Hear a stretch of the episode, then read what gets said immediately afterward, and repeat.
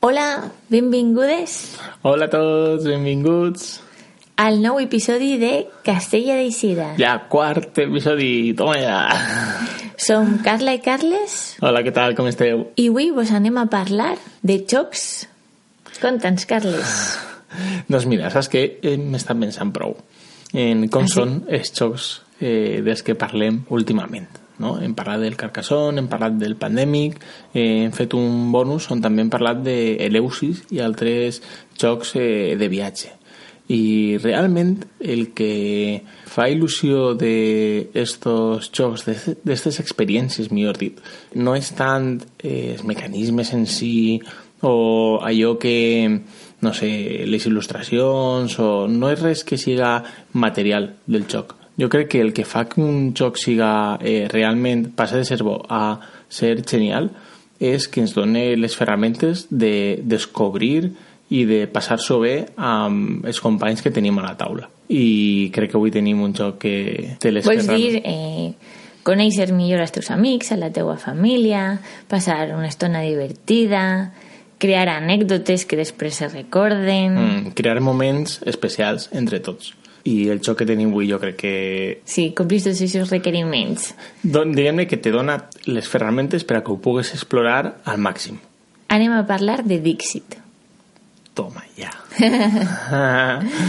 També un altre clàssic, només parlem de clàssics. Sí, realment eh, no estem sent eh, super innovadors en les recomanacions, doncs estem recomanant clàssics, eh, jocs que estan...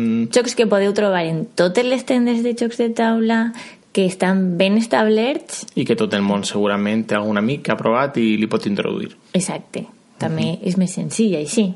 Doncs avui anem a parlar de Dixit. Dixit és un joc que és molt imaginatiu. Té unes cartes, que unes il·lustracions molt evocatives, una mica oníriques, en molts detalls. Si te fixes sempre n'hi ha un detallet ahí que no havies vist, algunes un poc lubres, altres més... Evoquen sensacions i evoquen records o coses que tens en comú amb algú perquè això és important eh, perquè ara Carles us va explicar com se juga i veureu que trobar aquests detalls en les cartes que és el principal del joc un joc en il·lustracions és molt important Eh, L'objectiu principal és eh, intentar descriure una de les cartes que vas a tindre a la, a la mà, que com bé deia Carla, tenen il·lustracions estranyes, un tant oníriques i que poden evocar eh, molts detalls concrets,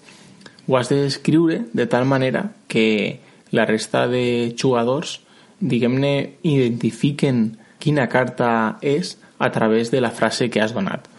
No obstant això, el joc és molt clar en el seu sistema de puntuació per a que aquell que està descrivint la carta, que se l'anomena el contacontes, no puga ser ni massa obvi ni tampoc massa rebuscat. Perquè si ho és, si és una pista massa òbvia, si descriu la carta, eh, diguem-ne, si diu, literalment... així n'hi ha una rabosa que està mirant l'arbre tot el món va saber quina carta és la seua I si tot el món encerta quina és la carta del contacontes, el contacontes no s'emportarà cap punt.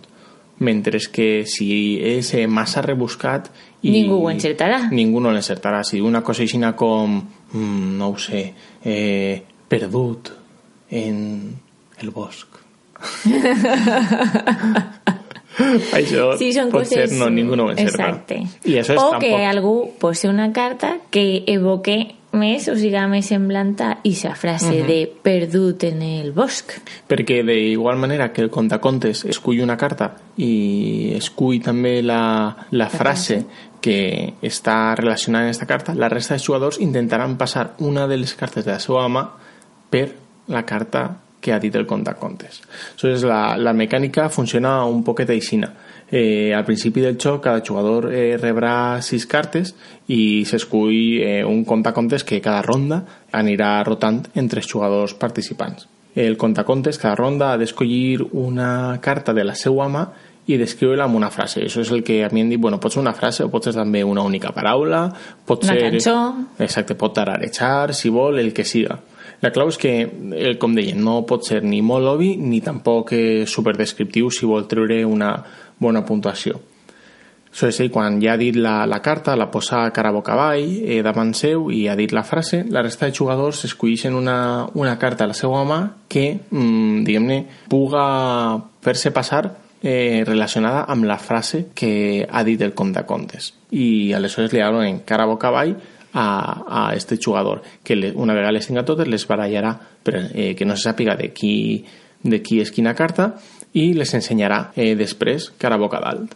Una vegada estan totes cara a boca dalt este és un moment divertit després ho contem quan apareixen aquestes cartes. Sí, no val posar cares.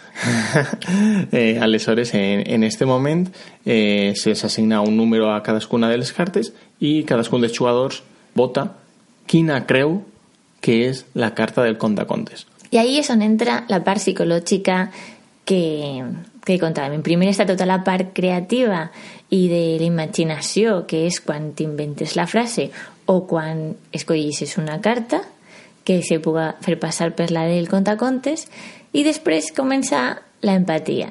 Ui, pues si la carta l'ha posat esta persona i ha dit esta frase, igual s'està referint a esta cançó, a esta peli o a esta anècdota d'un viatge junts i pot ser esta carta més mm. que una altra. Has de pensar, evidentment, en la persona que ha dit ha dit la frase. Eh, exacte, jo crec que és un, és un xoc on realment eh, anem a, a explorar la psicologia de cadascú i on també cal ser eh, super imaginatius. Eh, això és... Sí, eh... se n'hem adonat de que a este joc no se pot jugar si estàs molt cansat. No, és veritat. Així com altres jocs, igual no importa tant que tingués son o que estigues un poc cansat que pots jugar perquè igual és més mecànic o uh -huh.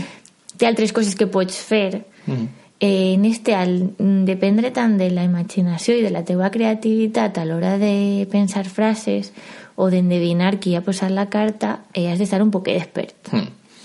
Com dèiem, la, contem breument la, la el sistema de puntuació perquè és super senzill i realment em sembla que és un super bon exemple de com donant unes regles super eh, bàsiques podem guiar com eh, des del disseny del xoc com van actuar eh, els jugadors i se creen, com se creen aquestes interaccions eh, que estem buscant.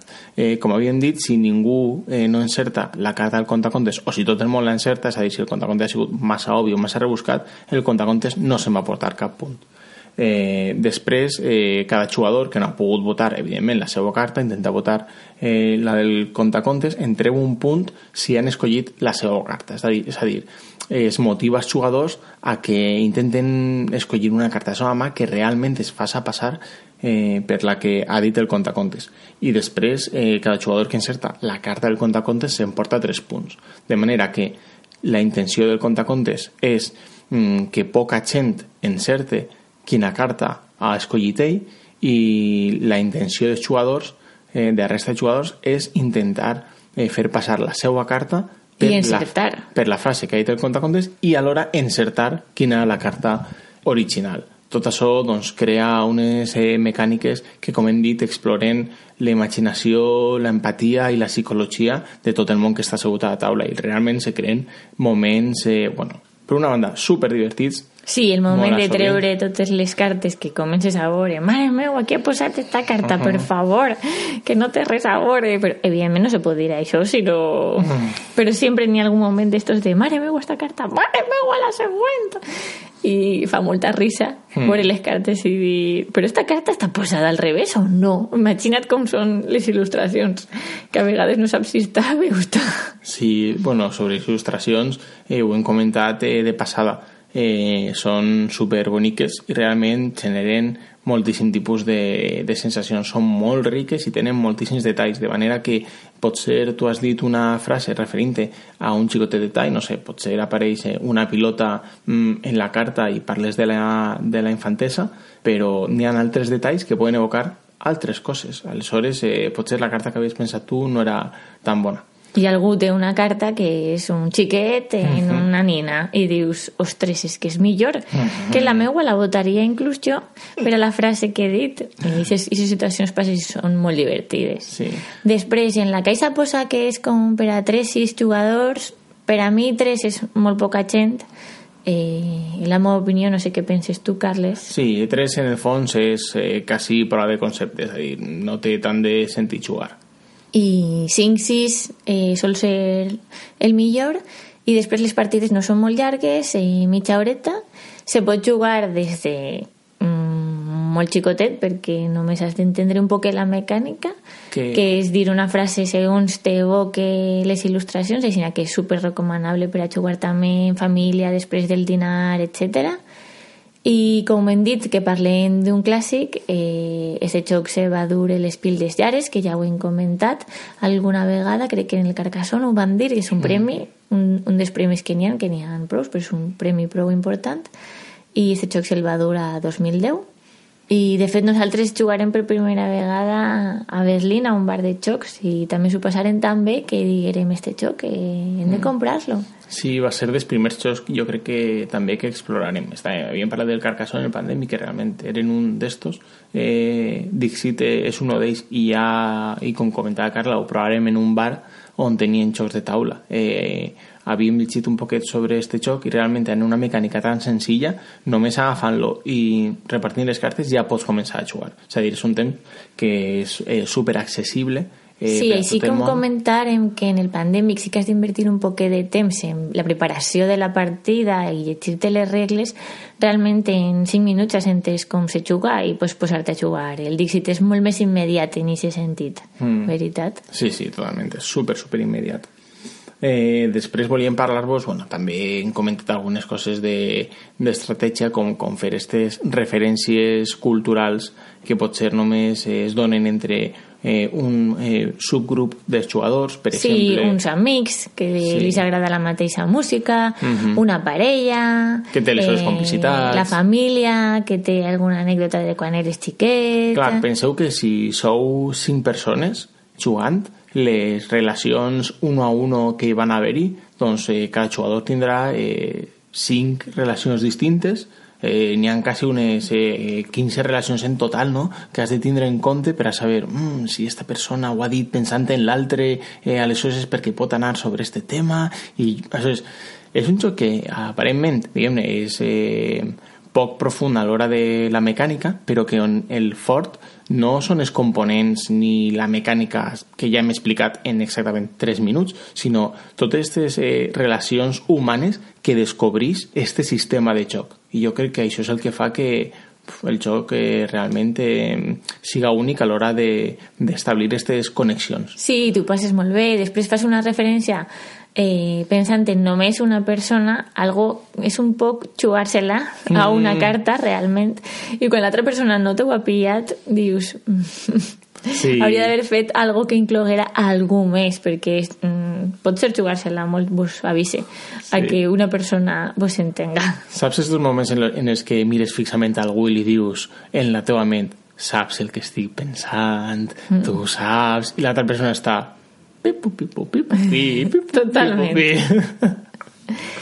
Després també Carles ha comentat eh, la gràcia de la puntuació i també volíem comparar un poc en l'Eusis, que va ser l'últim joc que parlarem, que la puntuació és molt pareguda, vull dir, intenta fer el mateix mm. que, que en el Dixit, però en la nostra opinió el Dixit ho fa com més senzill. Sí, la manera de l'Eleusis té un, té un punt aritmètic eh, has d'agafar qui ha les cartes des de que algú s'ha declarat profeta, etc. Això has de restar-les dels que... I això fa que, en certa manera, eh, sigui complicat d'entendre com es puntua, de primeres, mentre que en el Dixit això està fet d'una forma super senzilla. Eh, volíem... Com deien, eh, el mm. Dixit és com més immediat. Això no vol dir que l'Eleusis que se juga en baralles de cartes i després, encara que siga un poc aritmètic, està evocant a lo mateix la puntuació. Exacte. Una vegada ho entens, saps fer-la i ja està. Però el Dixit és com més immediat per a posar-te a jugar. Mm, per això em sembla un exemple d'un disseny de regles que, portat a la mínima expressió, explora al màxim el que pot donar un joc de taula. I què podem fer si ja se sabem totes les cartes del Dixit? Mm -hmm. Hem jugat en més o menys tots els nostres amics i hi ha gent que comença a repetir frases i dius, este ja me la sé. Sé que estàs dient esta carta. Què passa, Carles? Doncs, bueno, evidentment eh, el joc ve en un, en un número de cartes però si eh, ja vos heu cansat eh, sempre podeu comprar-ne expansions. N'hi ha eh, més de 10 expansions publicades, o sigui que si realment vos enganxeu amb el joc tindreu moltíssimes opcions per a anar incloent noves il·lustracions sobre les quals parlar-ne. Igualment, podríeu pensar, bueno, una vegada apareix una il·lustració eh, ja l'he vista i si es repetís eh, deixa de tindre gràcia, però és que este joc no va sobre les il·lustracions, va sobre les persones. Si sí, jugueu en diferents inclús grups... que tingues les mateixes cartes, si has de donar la pista a diferents persones, has de pensar d'altra manera. Mhm. De fet, hi ha un moment prou graciós que és que ja me toca, que ja me toca, que ja me toca el motor, que me toca hacer contacontes i no he pensat res, a veure si la que furte ara puc, se m'ocorre algo. Jo crec que arriba un moment que crec que és el torn d'abans teu, que estàs ja més pendent de ai, mare meva, que se m'ocorre una frase que pendent de l'altre. I a lo millor passa, i això ho hem comentat alguna vegada, que has de tirar la carta que havies pensat la frase perquè és que quadra perfectament en la frase que ha dit l'altra persona i dius, i ara Sí. què? Ara què? Ara ho he de pensar una altra vegada. Després també volíem comentar, hem comentat lo de les expansions, que n'hi ha, com ha dit Carles, eh, 10 o més, i mm, el joc no és car, el joc base és Mm. normal, Sí, crec que està sobre els 30 euros. Vamos, un... i després també n'hi ha una espècie de ampliació eh, que és un joc independent eh, per se, que és l'Odyssey, el Dixit Odyssey, que està pensat per a més nombre de jugadors. Sí, té variants per a jugar fins a 12. El Dic- taulero és un poc diferent, eh, però bueno, la mecànica és la mateixa. Jo he jugat als dos i no... Tu no veus diferències, no? No veus diferències, només que n'hi ha més gent. Pots jugar amb més... Et dona la possibilitat de jugar amb més gent en un altre tipus de modalitat. Mm, jo, en quant a recomanar, les il·lustracions del Dixit original eh, bueno, no sé, és amb el que més hem jugat funcionen molt bé. Les de l'Odyssey tu sí que l'has provat, et semblen Sí, sí, he jugat prou perquè no? una amiga el té i eh, les il·lustracions i tot és, és igual. És el tauler i algunes coses que canvien, però és, la mecànica és la mateixa i és, si penses que vas a jugar sempre amb més gent, pues te pots comprar de base eh, l'Odyssey. I si penses que de normal se junteu igual menys persones, ja te dic, fins a sis, que està prou bé, eh, pots comprar-te el joc base. També el pots, com comentem sempre, sempre se pot jugar.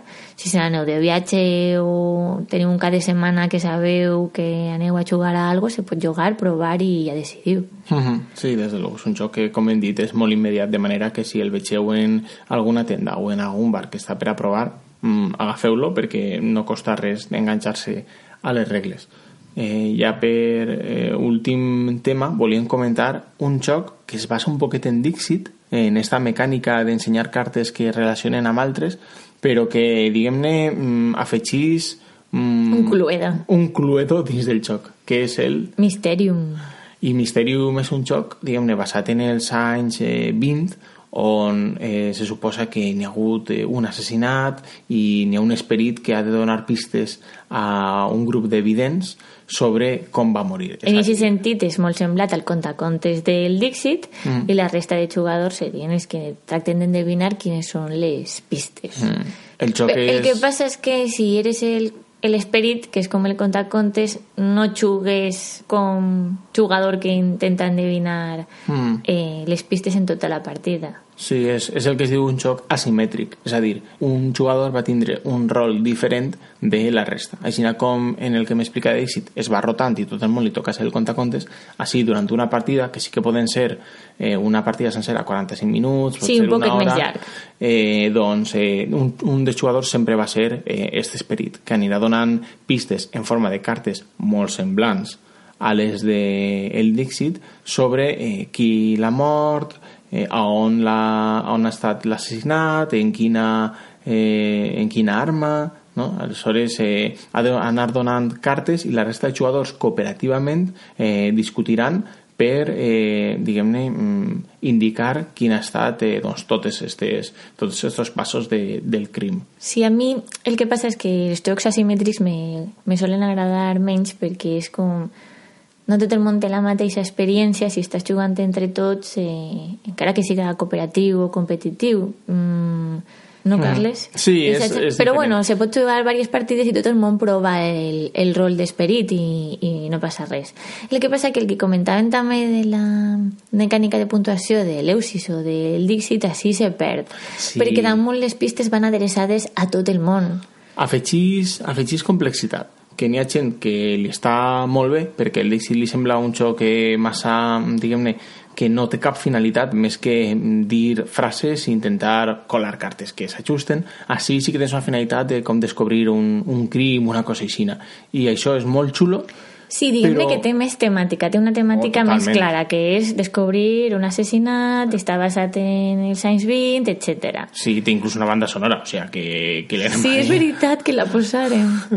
Eh, però alhora, al estar tan enfocat a això, eh, doncs eh, no permet explorar totes aquestes relacions personals que sí que permet el Dixit. Així que, no sé, el meu favorit és, abans que el Mysterium, el Dixit, 100%. Sí, per a mi totalment, encara que ja vos dic, Sí. provar-ho no està mal i si t'has cansat també, si jugues moltíssim al Dixit, eh, tindré el Mysterium, si t'agrada aquesta mecànica, segurament t'agrada l'altra. Segurament també. Així que, no res, el nostre joc recomanat d'avui, eh, el Dixit, eh, esperem que el proveu i que ens conteu què vos sembla. Vos convidem a explorar la vostra imaginació i la empatia que teniu en els vostres amics i família, a veure com de bé els conegueu i se vegem en el proper episodi. Sí, molt bé. Adeu. Adeu, gràcies.